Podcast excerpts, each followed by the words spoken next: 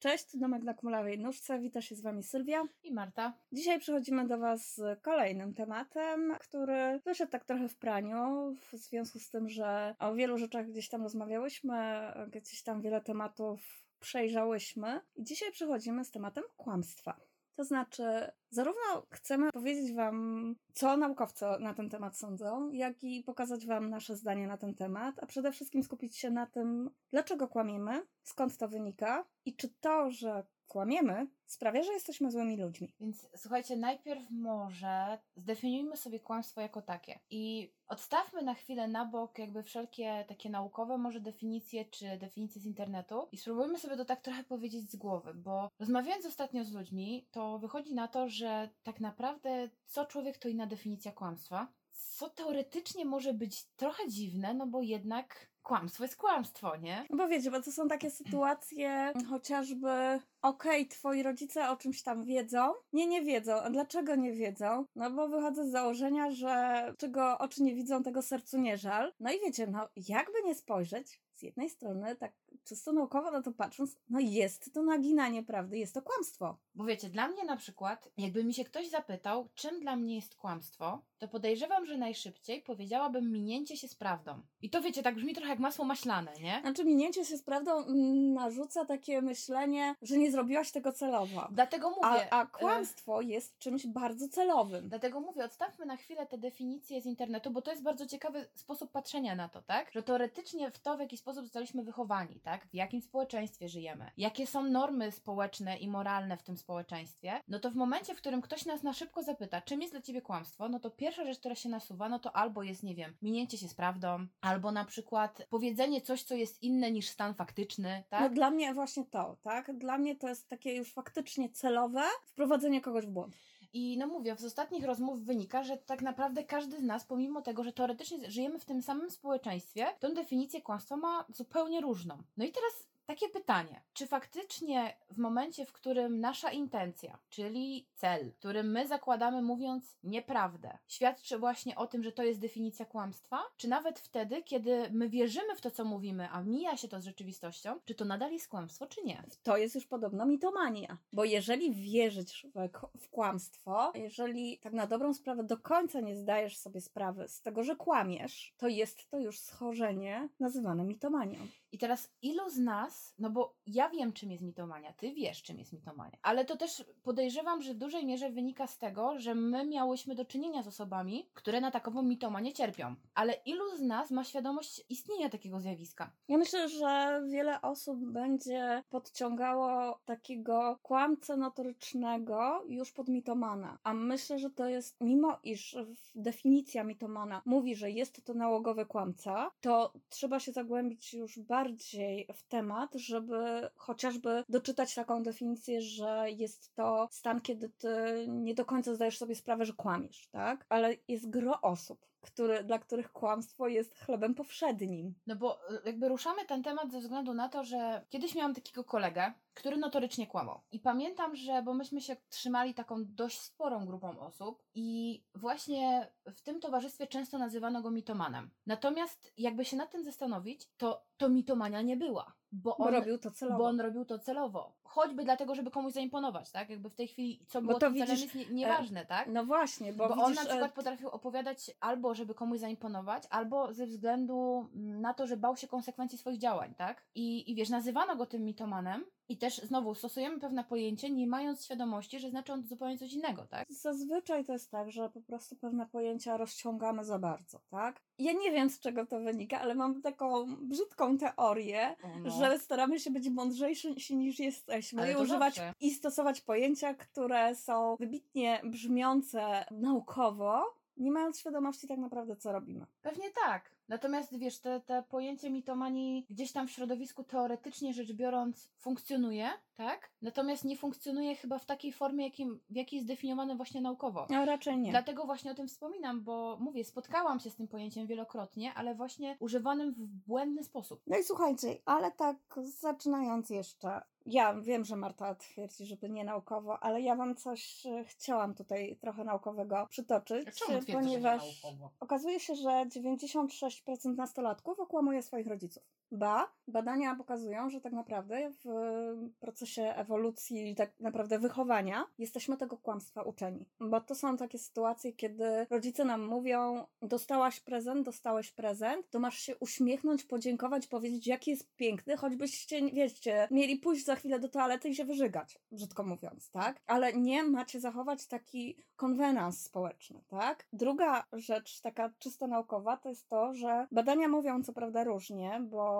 twierdzą, że kłamiemy od jednego do trzech razy dziennie. Niektóre badania twierdzą, że nawet kilkanaście razy, a nawet ponad sto razy dziennie kłamiemy. Z tym ostatnim bym się raczej nie zgodziła. To, to tak e, czysto, czysto, chyba bardziej patrząc przez e, aspekt samej siebie, czy otaczających mnie osób. Ale słuchajcie, to jedno do trzech, to bym powiedziała, że to jest bardzo trafne, przeprowa- trafnie przeprowadzone badanie. Wiecie, dla mnie głupim kłamstwem ale jednak kłamstwem jest cześć, co u ciebie? A, dziękuję, świetnie. A wiecie, życie wam się wali, tak? No trochę tak, no bo teraz mówię, to znowu problem trochę ze zdefiniowaniem tego kłamstwa, tak? No bo jeżeli zdefiniujemy go w ogóle jako celowe mijanie się z prawdą, a to jest a celowe. to jest celowe, no to w takim razie jest to już kłamstwo, tak? Absolutnie. E, Więc ale e, nie jesteśmy, nie ma osób wolnych od kłamstwa przede wszystkim. To na pewno, ale tutaj przy tym temacie, bo dzisiaj akurat dyskutowałyśmy na temat tych badań i zastanawialiśmy się nad jedną rzeczą i chciałabym Wam zadać to pytanie, jako takie pytanie do zastanowienia się. Czy kiedyś było nam łatwiej kłamać, ze względu na to, że jakby możliwości sprawdzenia pewnych informacji były mocniej ograniczone? Bo tak się właśnie na tym zastanawiałyśmy, że w sumie w dzisiejszych czasach dużo łatwiej jest sprawdzić, Pewne informacje. Pewne informacje, tak? I czy ktoś kłamie, czy nie. Bo słuchajcie... I czy to my, jak w, jakby w drodze pewnej ewolucji, im dalej posuwa się ten świat, im dalej posuwa się technologia, tym lepiej kłamiemy i uczymy się innych technik kłamstwa, czy niekoniecznie? Bo wiecie, wzięło się to z tego, że gdzieś tam wyczytałam, że zarówno psycholodzy, jak i antropolodzy uważali, że kłamanie było taką rzeczą bardzo naturalną w pewnym momencie, żeby podwyższyć swój status społeczny, między innymi, tak? No i okej, okay, co cofając się te x lat wstecz, kiedy pewnych informacji nie byliśmy w stanie w takim tempie sprawdzić, w jakim jesteśmy to w stanie zrobić dzisiaj, no to faktycznie miało to rację bytu. Ale czy teraz ma rację bytu?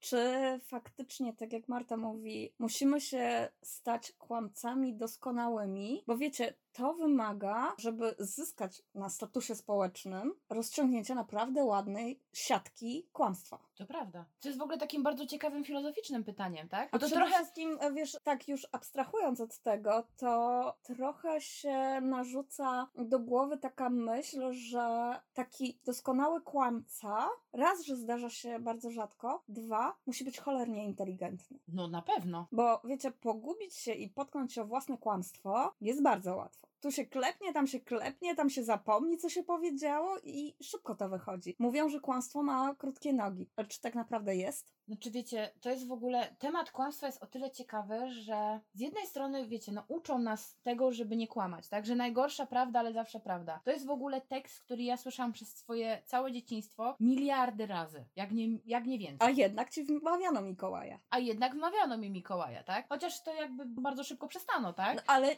mimo ale, wszystko. Ale mimo wszystko, I wiecie, to jest Mikołaj, właśnie to, zębuszka. Tak, i to jest właśnie to uczenie tego kłamstwa dzieci. Ale to nawet, to już nawet pal tego Mikołaja, tak? No bo to jakby, no to nie oszukujmy się, no to trochę jest, podciągnijmy to trochę pod tradycję, tak? Czy tak. taką, wiecie, pewną frajdę dla dzieci, tak? Więc jakby abstrahując od tego, ale jest wiele takich sytuacji, w których spotyka się rodzic kontra dziecko, których rodzic jakby stosuje ten wybieg, tak? To kłamstwo. Znaczy przede wszystkim rodzice stosują ten wybieg bardzo celowo. No to Oni pewno. kłamią w bardzo celowy sposób. Chociażby ten przytoczony Mikołaj bywa straszakiem. Tak. Bo jak nie będziesz grzeczna czy grzeczny, to, to, to Mikołaj przyniesie ci rózgę, a nie prezent, tak? Albo w ogóle nie przyniesie ci prezentów, już zapominając o rózce. Notabene taka um, anegdotka. Mój brat um, raz w życiu dostał rózgę. Był wielce zdziwiony, ponieważ pod choinką zamiast prezentu faktycznie była rozga. Rodzice spełnili swoją obietnicę.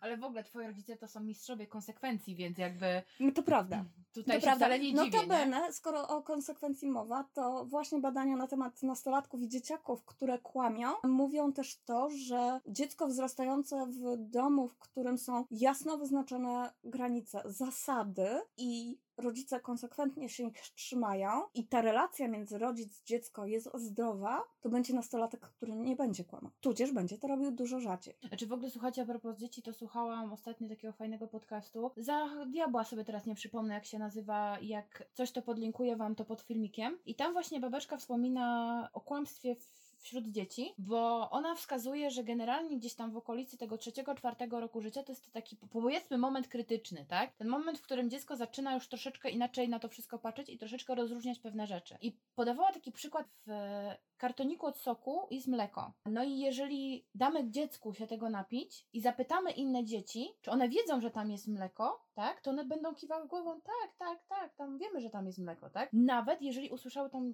informację gdzieś wcześniej, tak? I że to jest w ogóle fascynujące, jak dzieci sobie potrafią obrócić, bo teraz jako dorosły, i ja tak na to popatrzyłam, jak, jak, jak dorosły człowiek, taka absurdalna myśl, że teraz tak, jeżeli dostałabym karton z sokiem, w którym jest mleko i wszyscy wokoło mówiliby mi, że tam jest sok, no to pierwsza moja myśl, że ktoś próbuje ze mnie zrobić durnia, tak? Z jednej strony tak, ale z drugiej strony na tle mhm. wszystkich opinii do te, dookoła, do tego chociaż będziesz czuła, że to jest mleko, to powiesz tak, sok. No do tego właśnie zmierzam, że to jest fascynujące, jak otoczenie i społeczeństwo y, i kręgi, w jakich się obracamy, potrafią wpłynąć na naszą opinię, a co za tym idzie na to, czy my kłamiemy, czy nie. Ale to jest bardzo częste, chociażby czym mówiąc na temat filmów. Mhm. Czy no, mówiąc na temat książek, wiesz, w takim bardzo wąskim gronie, jeden na jeden, tam dwa na jeden, tak? Jak sobie pogadasz o jakimś filmie, to jesteś w stanie się przyznać, że nie wiem, no, Matrix to mi się nie podobał, nie? Bullshit. Że to jest po prostu tak z dupy wzięte, że, że absolutnie fatalny film, tak? No ale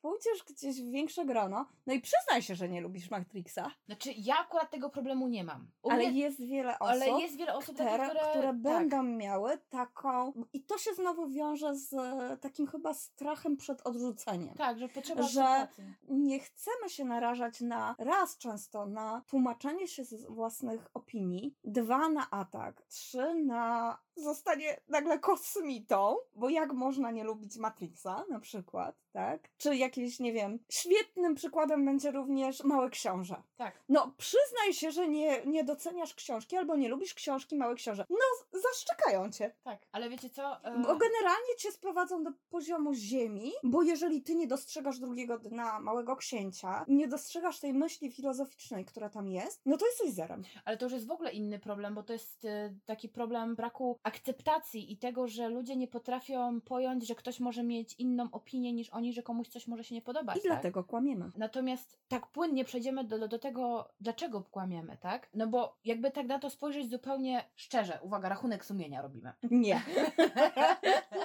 nie.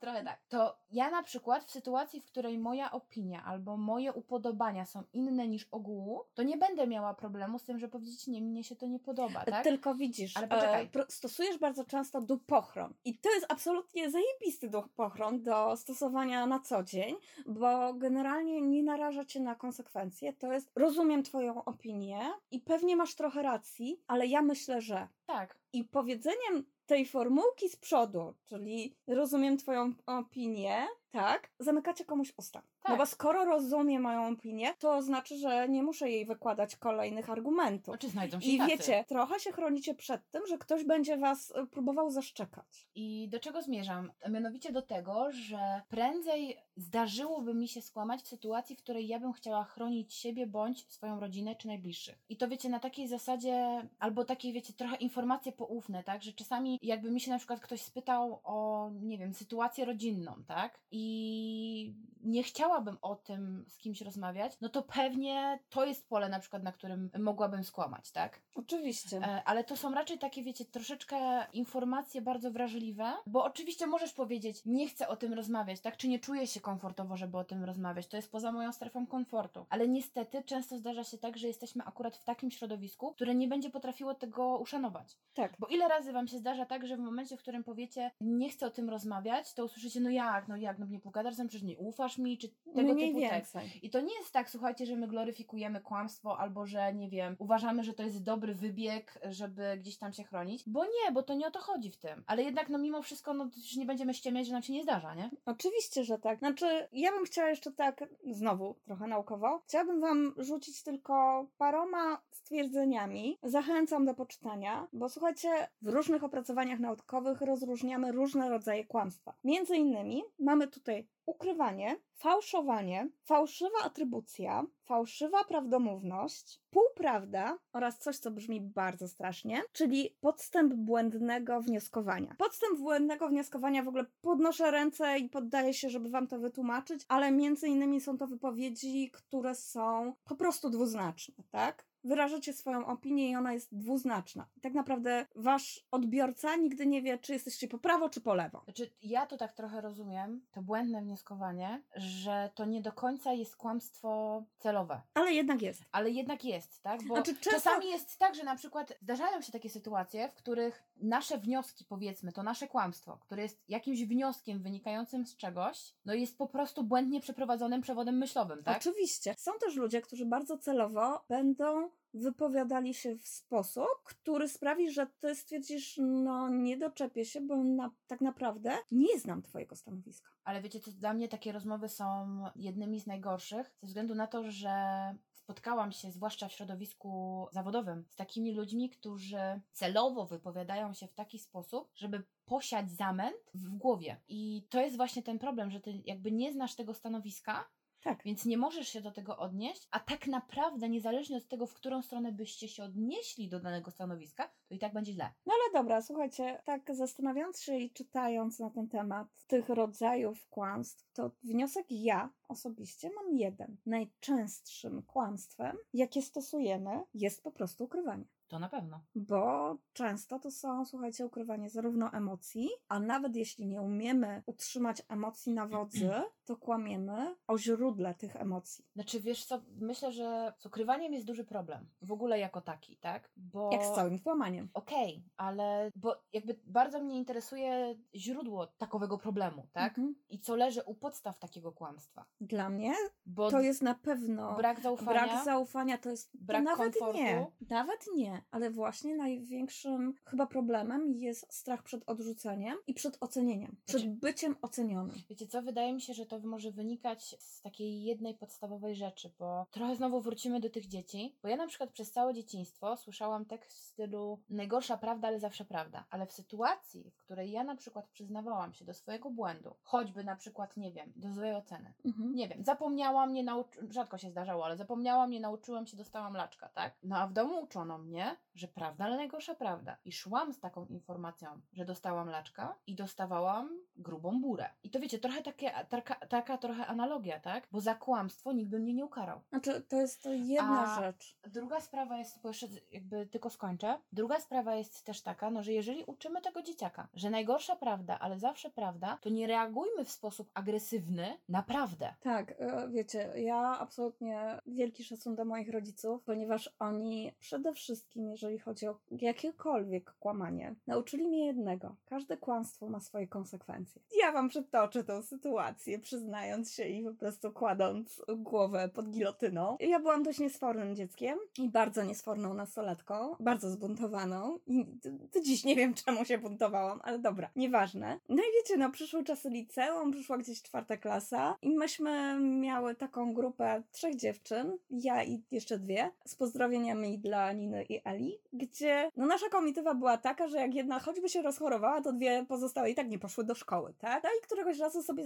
urządziłyśmy wagary, oczywiście absolutnie nie myśląc, że w tym tygodniu, w którym miałyśmy wagary, miałyśmy jakieś klasówki, a w poniedziałek po wagarach jest zebranie i to może łatwo wyjść. W ogóle nam to nie przyszło do głowy. I oczywiście przewagarowałyśmy tydzień, przyszedł poniedziałek, przyszło zebranie, no i nasza pani wtedy od biologii była nadgorliwym nauczycielem, który przyszedł na zebranie i wyczytał oceny z klasówki całej klasy. Moja mama nigdy w życiu nie kryła mi tyłka. W związku z tym, kiedy zostały wymienione oceny, moja mama podniosła rękę i zapytała, dlaczego moje dziecko nie ma oceny z klasówki. I usłyszała, przecież pani córka była tydzień chora. Moja mama nie usiadła, a no tak, faktycznie, tylko powiedziała nie, bardzo mi przykro, ale moje dziecko codziennie wychodziło do szkoły i codziennie wracało ze szkoły, opowiadając to, jak było w szkole. Pamiętajcie, burę, jaką ja wtedy dostałam, to się nie działo. Moja mama mnie na resztę życia oduczyła tego. Dobra, nauczyła mnie kłamać lepiej, bo i tak e, wiadomo, że raz na jakiś czas mi się zdarzyło też e, nie pójść do szkoły, tylko ukrywałam to lepiej. Ale wierzcie mi, to było straszne, ponieważ ja byłam u progu 18 roku życia. Ja musiałam stanąć przed każdym nauczycielem,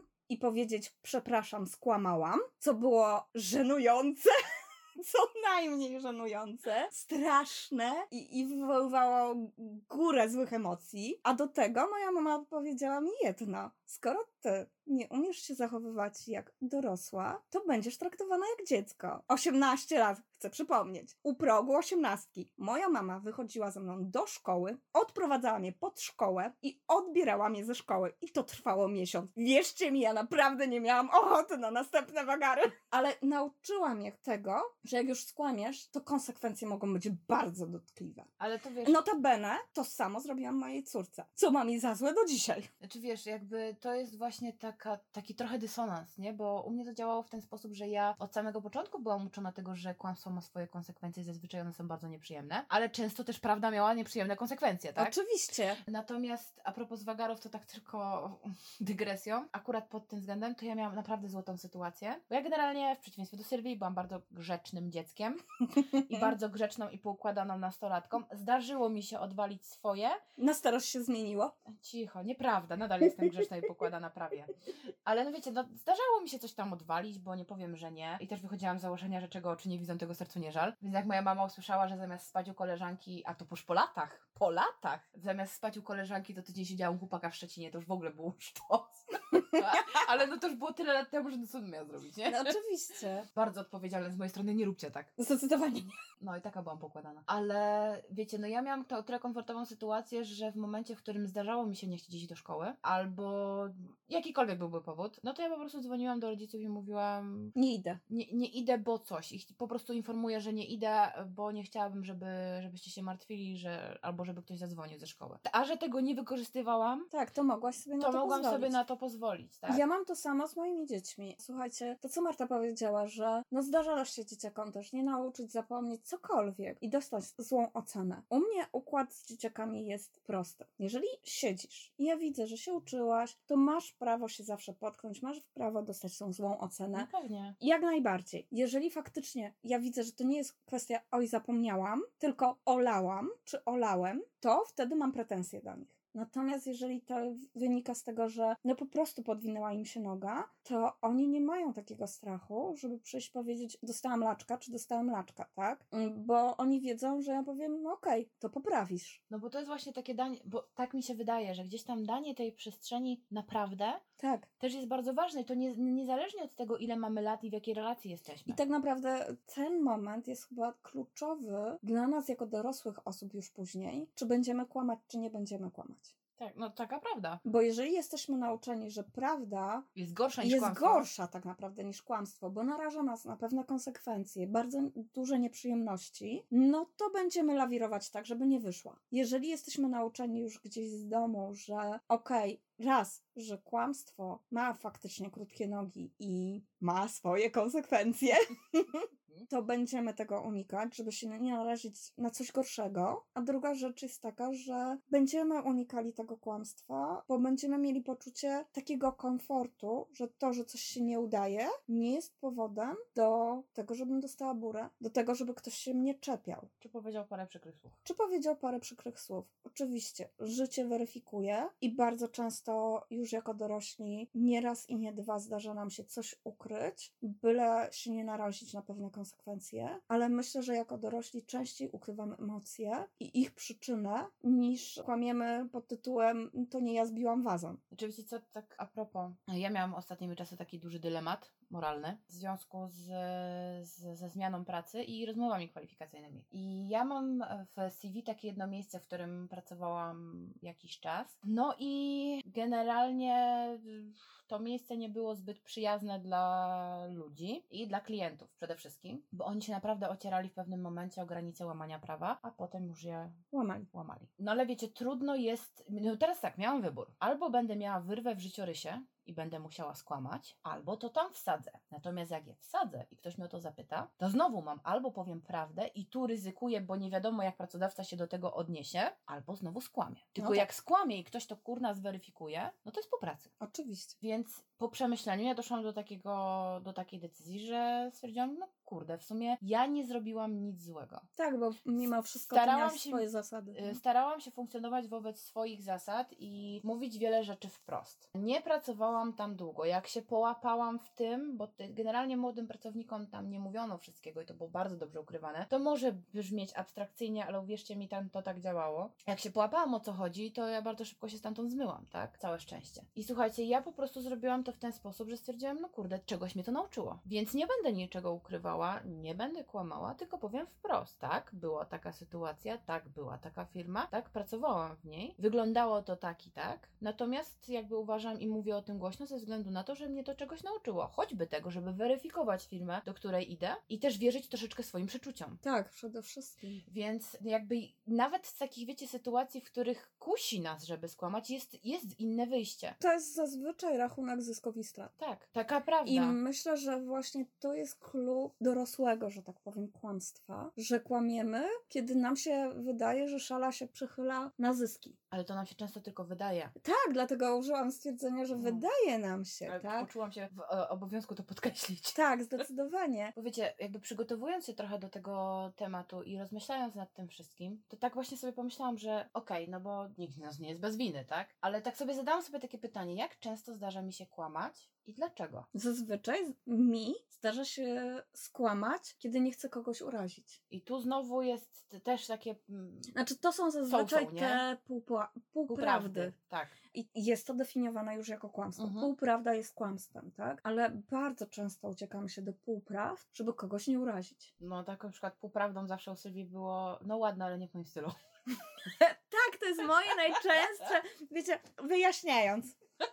Mój gust i gust Marty to są, wiecie, dwa krańce skali, tak? Marta ma ten gust bardziej tradycyjny, Retro taki bardzo. taki trochę retro. Ja jestem bardzo ku stylowi współczesnemu, wiecie, tam szkło, metal, kamień, te sprawy. Wiecie, ja ciemne drewno. A a u mnie, wiecie, chromowany metal, tak? Natomiast, y, tudzież jasne kolory, biel i tak dalej. U Marty jednak to będą te stonowane bardziej barwy. U mnie, jak już dodatki, to muszą być Kontrastowe. takie kontrastowe bardzo mocno. W związku z tym, kiedy ona urządzała swoje mieszkanie, ja nauczyłam się też jej stylu i był taki moment, że chodziłyśmy za różnymi rzeczami i ja jej pokazywałam rzeczy, bo ja wiedziałam, że jej się to będzie podobać. Tak było na przykład z meblami do kuchni. Tak. I ja powiedziałam, Marta, to jest twoja kuchnia. I ona stwierdziła, tak, to jest moja kuchnia. Mimo już, wiecie, za cholerę ja bym w swoim domu tego nie postawiła, ale ja wiedziałam, że jej się to podoba. Bo to, że jej się podoba, to nie znaczy, że musi być w moim stylu. I to jest takie ładne,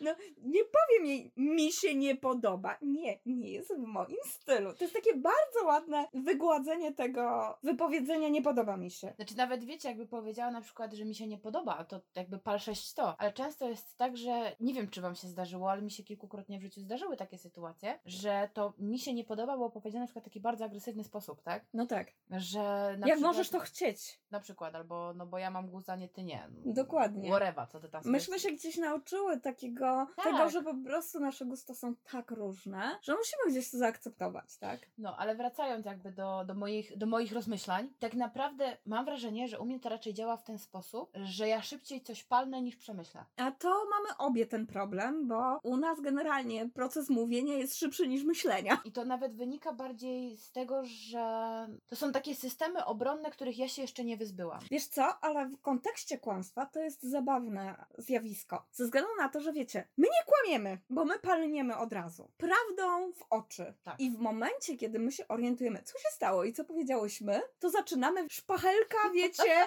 gipsik, gipsujemy i, i, i kurna naprawiamy, co się da, tak? I wygładzamy swoją wypowiedź, żeby nie była taka przykra. I w, w tym momencie zaczynamy kłamać. Bo wiecie, źle mnie zrozumiałaś, Znaczy- nie to miałam na myśli. Znaczy, często tak się zdarza i to nie jest kwestia kłamstwa, tak? Ale E, to, to jest już kłamstwo, Ale- bo to miałaś na myśli. Tylko tylko nie chcemy robić komuś przykrości. W dużej mierze na pewno. W związku z tym posiłkujemy się półprawdami. I tak naprawdę próbujemy z kogoś zrobić idiotę. Trochę tak. że to on nas źle zrozumiał, a nie my tak powiedziałyśmy. Znaczy ja częściej powiem, że może źle się wyraziłam, tak? Mhm. Bo wiecie, ja jestem... Ale jak ktoś Inaczej. na ciebie bardzo ruszy, No to na pewno. no to wtedy powiesz, nie, źle mnie zrozumiałaś. Znaczy, ja generalnie staram się być dyplomatyczna, o ile mo- na ile mogę. Natomiast jest taki pułap mojego wkurzenia, nazwałabym to inaczej, ale obiecałyśmy, że nie będziemy przeklinać, gdzie już jakby mój hamulec puszcza. I to są te momenty, w którym ja naprawdę palnę, bo palnę. Ale tak w takim, wiecie, zwykłym, standardowej sytuacji też się nam zdarza coś takiego Oczywiście. palnąć, albo nie dopowiedzieć, albo potem nie mamy szansy dopowiedzieć. Albo głupio nam już się wycofać. Albo głupio nam czegoś. się wycofać, tak, z czegoś. I wiecie, tak się, wiecie, próbowałam sobie to zdefiniować na takiej zasadzie, czy to, jak to o mnie świadczy, tak,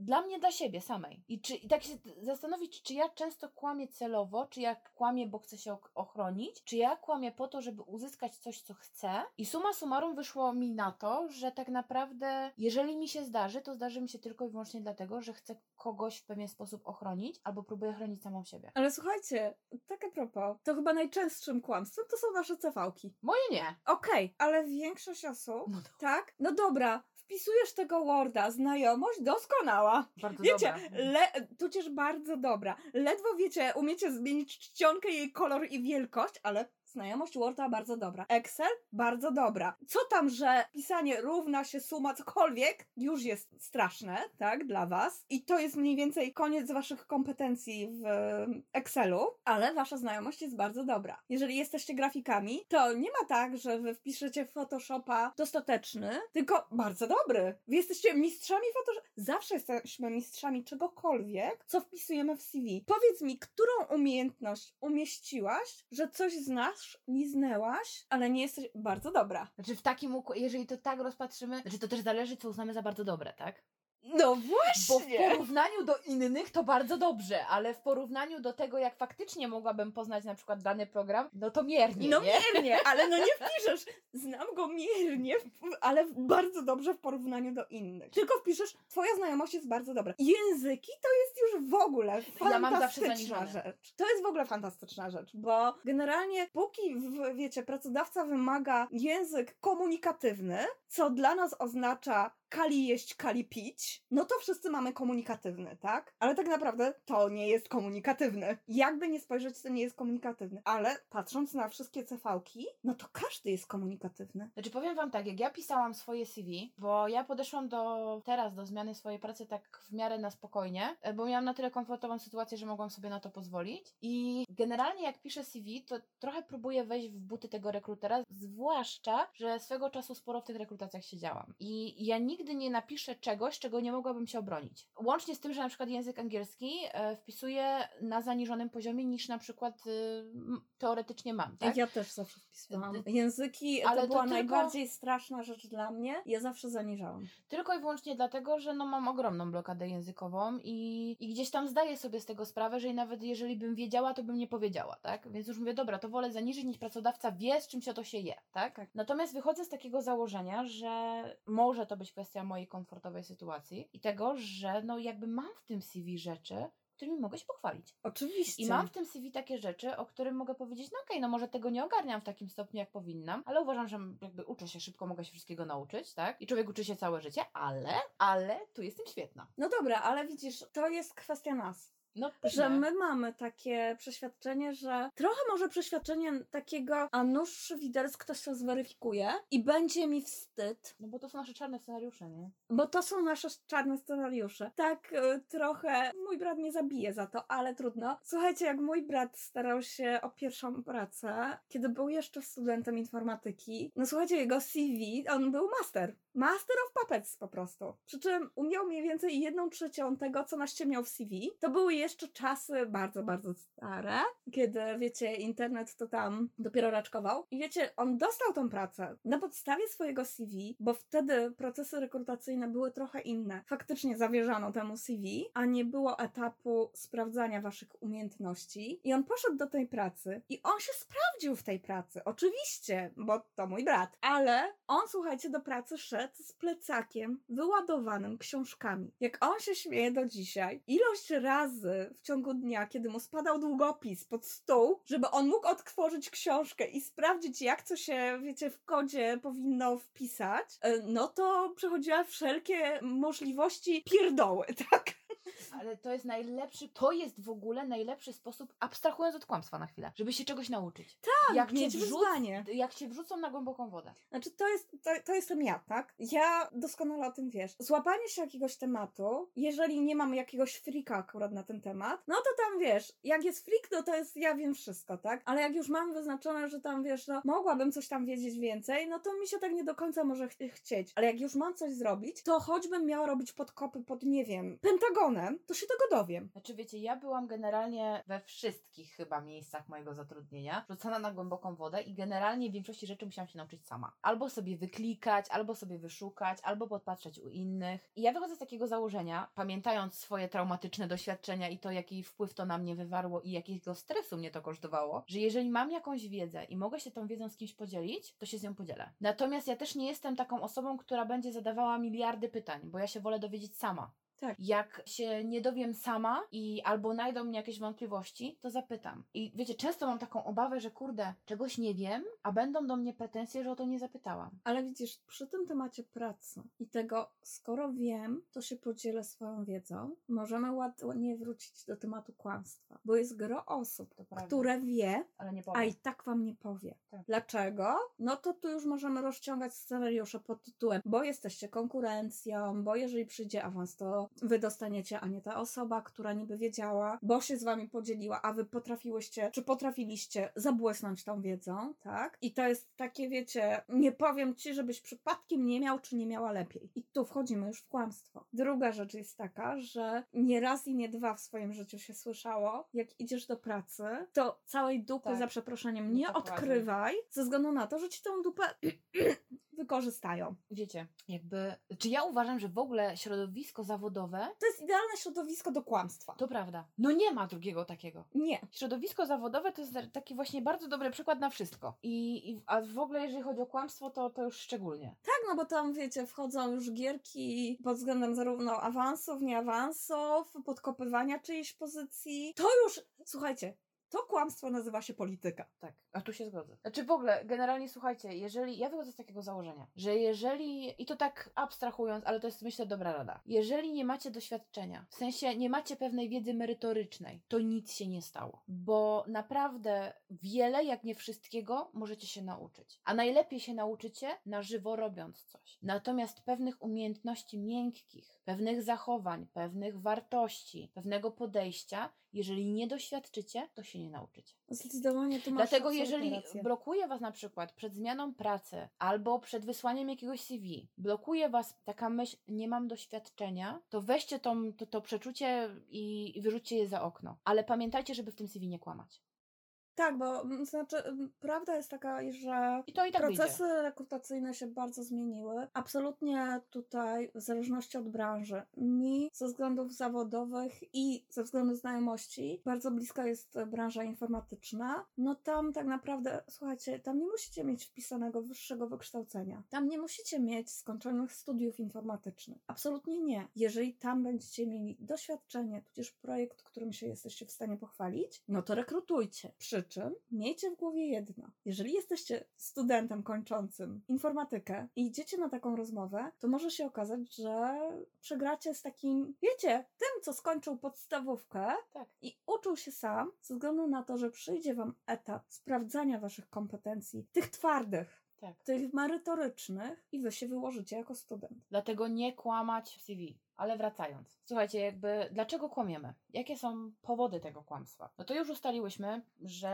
jakby strach przed konsekwencjami. To jest myślę, że taki chyba jeden z najczęstszych powodów kłamstwa. No i strach przed odrzuceniem. I strach przed odrzuceniem może, powiedzmy, że możemy to brzydko wrzucić do jednego worka, tak? No powiedzmy. Czy istnieje kłamstwo dla dobra czyjegoś? I tu jest, wiecie, takie pytanie trochę Wiecie, na granicy mona- moralności. To jest trochę jak ze sceną z teorii Wielkiego Podrywu, gdzie Amy wybiera suknię ślubną. Tak. I dziewczyny, które z nią są, widzą jej zachwyt nad suknią ślubną, mówią no pięknie, po czym wracają do domu i stwierdzają, że tą suknię powinno się spalić. W końcu zbierają się na odwagę, połowicznie na odwagę i mówią Amy, że suknia jest fatalna, absolutnie fatalna i Amy jest bardzo przykro. One dopiero wtedy się reflektują, że ale to nie ja stanę w tej sukni, to nie ja mam się czuć piękna w tym dniu, to ona ma się czuć komfortowo. I to jest chyba najlepszy obraz tego, dlaczego kłamiemy, bo nie chcemy robić komuś przykrości. Teraz ja Wam podam taki przykład. On jest trochę gruby nić szyte, ale powiedzmy, że dla czyjegoś dobra. Bo tutaj sytuacja jest o tyle skomplikowana, że była tam większa grupa osób. I słuchajcie, ja przez 5 lat kłamałam ludziom w żywe oczy. Bo sytuacja była taka, że miałyśmy w zespole kogoś, kto był absolutnie toksyczny i szkodliwy. I przez 5 lat kłamałyśmy, udawałyśmy, że jest wszystko w miarę w porządku. Tam wybuchały pewne rzeczy, tak? Natomiast słuchajcie, dla dobra całego zespołu, to nie można było powiedzieć lasce, że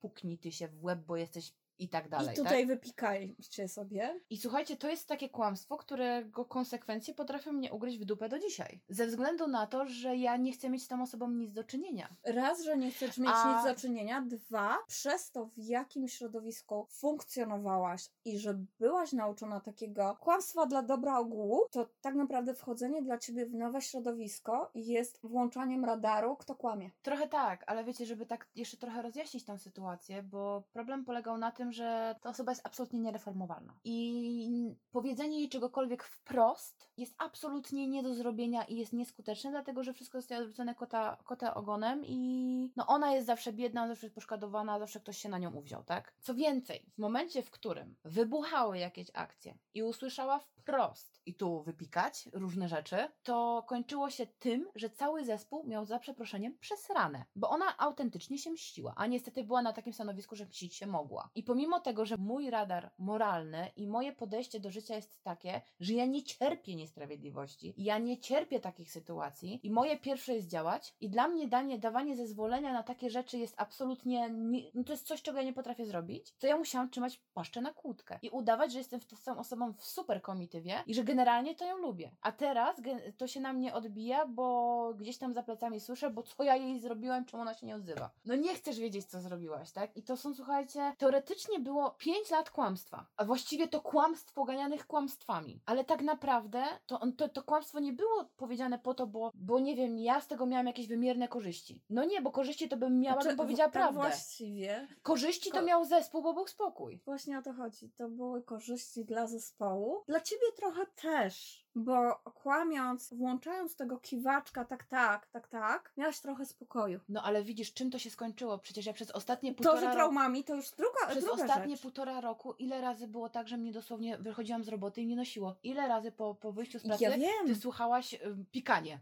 oczywiście, tak. Natomiast wiesz, gdzieś na tle zespołu i środowiska, w którym pracowałaś, nie mogłaś się zachować inaczej. Tak naprawdę, konkludując myśl, dlaczego kłamiemy, dlatego, że jest to na nas wymuszone.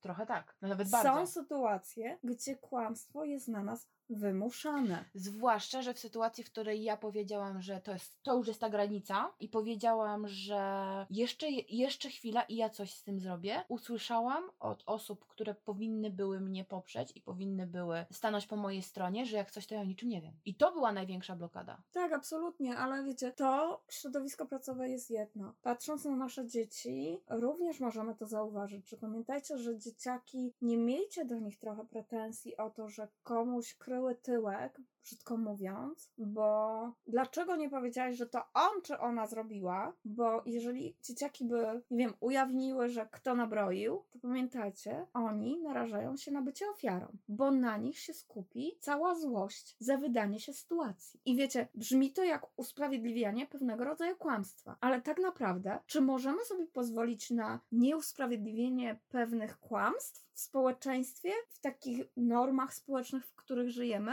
Wydaje mi się, że nie jesteśmy w stanie uciec od tego. Znaczy, generalnie to jest taka trochę pytanie bez odpowiedzi. To jest trochę pytanie bez po- odpowiedzi. To jest tak samo jak pytanie co do stwierdzenia, że kłamstwo kłamstwu nierówne. No, znaczy, No niby generalnie, tak, a niby kłamstwo jest jednak kłamstwem. Znaczy wiecie, generalnie zaczęłabym w ogóle od tego, jaki jest cel tego kłamstwa. Bo wiecie, no bo mówimy o tym strachu przed konsekwencjami, mówimy o strachu przed odrzuceniem, mówimy o takim kłamstwie, dużym cudzysłowie dla dobra ogółu, Ale, ale, mówimy też o kłamstwie, które ma zbudować naszą pozycję. ale wiecie co, chyba na jedną z najgorszych, jednym z najgorszych rodzajów kłamstwa jest to kłamstwo, które jest manipulacją i jest próbą osiągnięcia pewnych korzyści dla siebie. I to takich korzyści, które można by było osiągnąć również bez tego kłamstwa, Tylko cięższą pracą. tylko cięższą pracą. Tak, tutaj się zgodzę z Tobą absolutnie, że często to tak wygląda, że idziemy na skróty. To właśnie znów wracam, środowisko pracowe. Często podkopują ludzie innych, byle się wybić. Byle się wybić na czyichś plecach. Bo będziesz miała dobrą duszę, która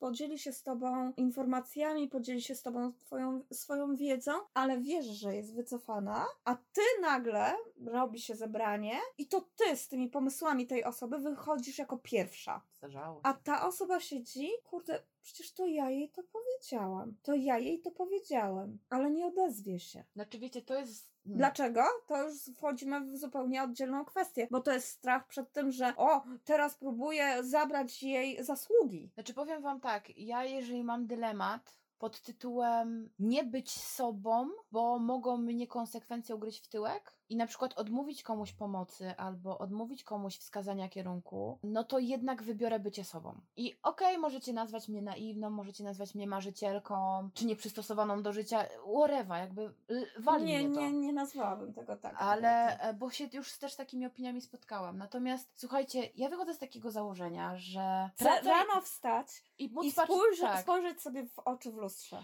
bo może wiecie, dla mnie rozwój jest bardzo ważny, ale rozwój, nie Tak. kariera, bo ja nie poświęcę siebie i swoich zasad moralnych w imię kariery. I tak naprawdę, czy te kilka stów, powiedzmy, awansu po czyich plecach jest warte tego, żebym nie mogła na siebie spojrzeć? No nie. Ale widzisz, to jest też kwestia tego, że jesteś tak uwarunkowana moralnie, To prawda. wyuczona i, i po prostu masz taką postawę. Jest gro osób, niestety pamiętajcie o tym, którzy wybiorą tą drogę wybicia się po waszych plecach. Przykro mi to mówić, ale często tak jest. Ja wiesz, no ja absolutnie temu nie przeczę, tak? Nadal wierzę może naiwnie w to, że prędzej czy później życie i praca zweryfikują, bo przyjdzie taki moment, że jeżeli ktoś się wybija na waszych plecach. i to- Podobno karma wraca. Czasem Nawet ma to- trochę, wiecie, przez Kraków, Wrocław, Świnoujście i jeszcze zahaczy jakieś podhale, tak? Jeszcze raz. I dopiero wróci do centrum, ale w końcu wróci. To już nawet nie chodzi o karmę, tylko wiecie, jeżeli ktoś się wybija na waszych plecach, wykorzystując waszą wiedzę i wasze pomysły, i jeżeli ktoś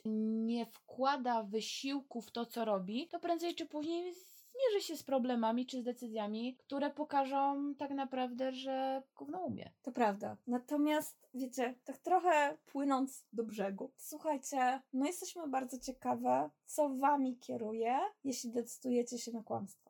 Chciałabym Wam powiedzieć taką jeszcze jedną ciekawostkę, bo generalnie jest sobie taki pan, który nazywa się Peterson, no i on stwierdził, że kłamstwo nas realnie zmienia, a właściwie to kłamanie. I dlaczego? Dlatego, że kiedy człowiek się uczy nowych rzeczy, to tworzą się połączenia neurologiczne. I analogicznie jest z kłamstwem. W momencie, w którym kłamiemy, zwłaszcza jak on zaznacza, zapisujemy te kłamstwa, przelewając je na papier, czy po prostu zapisując, możemy powiedzieć, że my sami siebie uczymy kłamać i sami siebie okłamujemy. I To znaczy, staramy się nauczyć siebie, że to, co zapisaliśmy, jest, jest prawdą. Tak. I że kłamstwa, patrząc na jego punkt widzenia, realnie na nas wpływają i sprawia, że my się zmieniamy i niszczą nasz kompas moralny. I to jest taki bardzo ciekawy punkt widzenia i taka rzecz do przemyślenia na koniec. Bo ja jakby... Wam mogę zdradzić, że ja absolutnie się z tym poglądem zgadzam, bo absolutnie kłamstwo na nas wpływa, bo raz pomijając już kwestię, kłamstwo generuje kłamstwo, tak?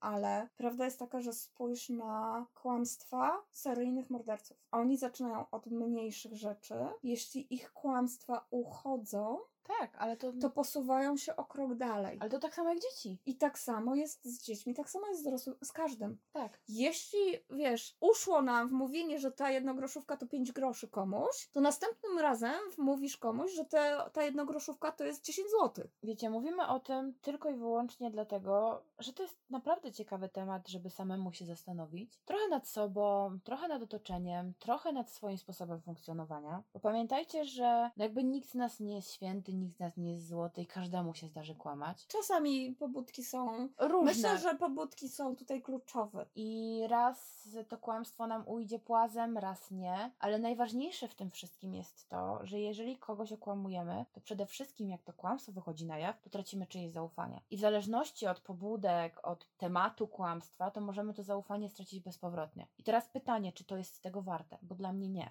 Absolutnie. Z taką konkluzją byśmy chciały Was zostawić, że żadne kłamanie nie jest warte zachodu. Powierzcie nam, kłamstwo faktycznie ma krótkie nogi i zawsze kiedyś wyjdzie. Może szybciej, może Może wolniej, później. może trochę później, ale jednak wyjdzie, a konsekwencje już skonfrontowania się z tym kłamstwem bywają dużo bardziej bolesne niż powiedzenie prawdy od razu. I wiecie, zawsze może macie 50-50. Raz się wyda, raz się nie wyda. Ale. Ale wiecie, to jest jak w gra w rosyjską Ru- ruletkę. Dokładnie. To jest przykładanie sobie pistoletu do głowy. Bo potem spojrzeć w oczy tej osobie, wiedząc, że się okłamało, no I ciężko. okej, zdajemy sobie sprawę, że będzie gro takich osób, dla których to nie będzie problemem. Bo mają Czy- zaburzony w pewien sposób kompas moralny. Bo mają zaburzony kompas moralny, ponieważ nie przywiązują na przykład takiej wagi do relacji międzyludzkiej, jaką wy przywiązujecie. Dla nich na przykład kontakt z drugim oso- drugą osobą będzie czymś absolutnie niepotrzebnym im do życia. I czy wy się obrazicie, czy nie, jest bez znaczenia. Znaczy, wolę, żeby ktoś się za, na mnie obraził za prawdę niż za kłamstwo. To prawda. I to jest. Bo To, łatwiej wybaczyć, notabene, nawet jeżeli my się obruszamy o coś, to łatwiej nam jest wybaczyć to, że ktoś, okej, nie podoba mi się to, co usłyszałam, czy co mi powiedziałaś, ale łatwiej jest mi się z tym pogodzić, bo kurde, no jednak była szczera. a poza wszystkim, wiecie, to trochę może zabrzmieć źle albo trochę egoistycznie, ale też to my jesteśmy w tym najważniejsi. Bo, tak jak mówię, wolę, żeby ktoś się na mnie obraził za prawdę. Ale bo jednak to, móc sobie spojrzeć w oczy. Bo to nie ja jestem w tej, w tej sytuacji osobą decyzyjną. Ja zrobiłam co mogłam, powiedziałam co mogłam. Natomiast nie leży tutaj ani moja wina, ani moja decyzja w tym. Dokładnie tak. Nie wiążcie kłamstwa z winą. Absolutnie tego nie wiążcie. Bo to, czy zależy w sensie, że winą moją czy twoją, bo No, że powiedziałaś prawdę i teraz jesteś winna. Nie. to musi głośno wybrzmieć, bo jakby Nie, jeżeli winnym jestem, mówicie- kiedy kłamię, tak? Winni jesteście, kiedy kłamiecie. Nigdy nie jesteście winni tego, że powiedzieliście prawdę. I z tym was zostawimy. Dajcie nam znać, kiedy zdarza wam się kłamać I dlaczego? i dlaczego. Czy lubicie takie kłamstwa, wiecie, na zasadzie zrobienia trochę małych e, kłamstewek, wiecie, zrobienia trochę gównoburzy? Czy po prostu wzburzenia emocji, bo bez emocji nie mamy fanu, tak, w życiu? A czy już kłamiecie, żeby kogoś chronić? Czy może jednak uważacie, że wy nigdy nie kłamiecie? Ej, Może faktycznie zrobimy taką żyjecie- makietę. Może faktycznie macie to przekonanie, że wy nie kłamiecie, że tak prowadzicie swoje życie, że potrafiliście tak ułożyć swoje życie, by nigdy nie kłamać. A tymczasem trzymajcie się cieplutko, zasubskrybujcie kanał, czekamy na Was na social mediach. Wiecie, że staramy się Wam odpisywać jak najszybciej i jak najczęściej. I do usłyszenia następnym razem. Cześć! Pa!